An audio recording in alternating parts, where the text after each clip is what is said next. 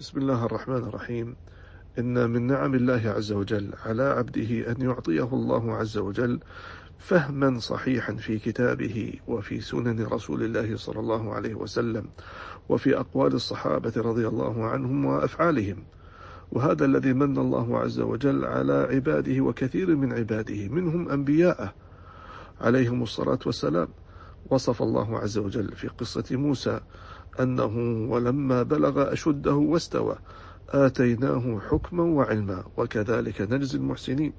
فالحكم والعلم هو الفهم الصحيح.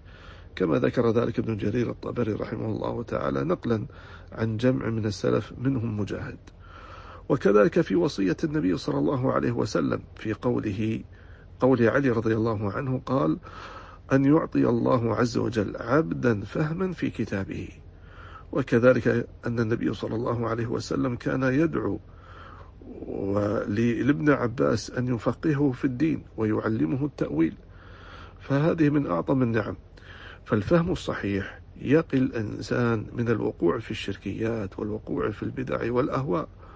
فكلما كان فهمه صحيحا كلما كان مجانبا للوقوع في التناقضات والوقوع في المخالفات. فنسأل الله عز وجل أن يمن علينا بالفهم الصحيح.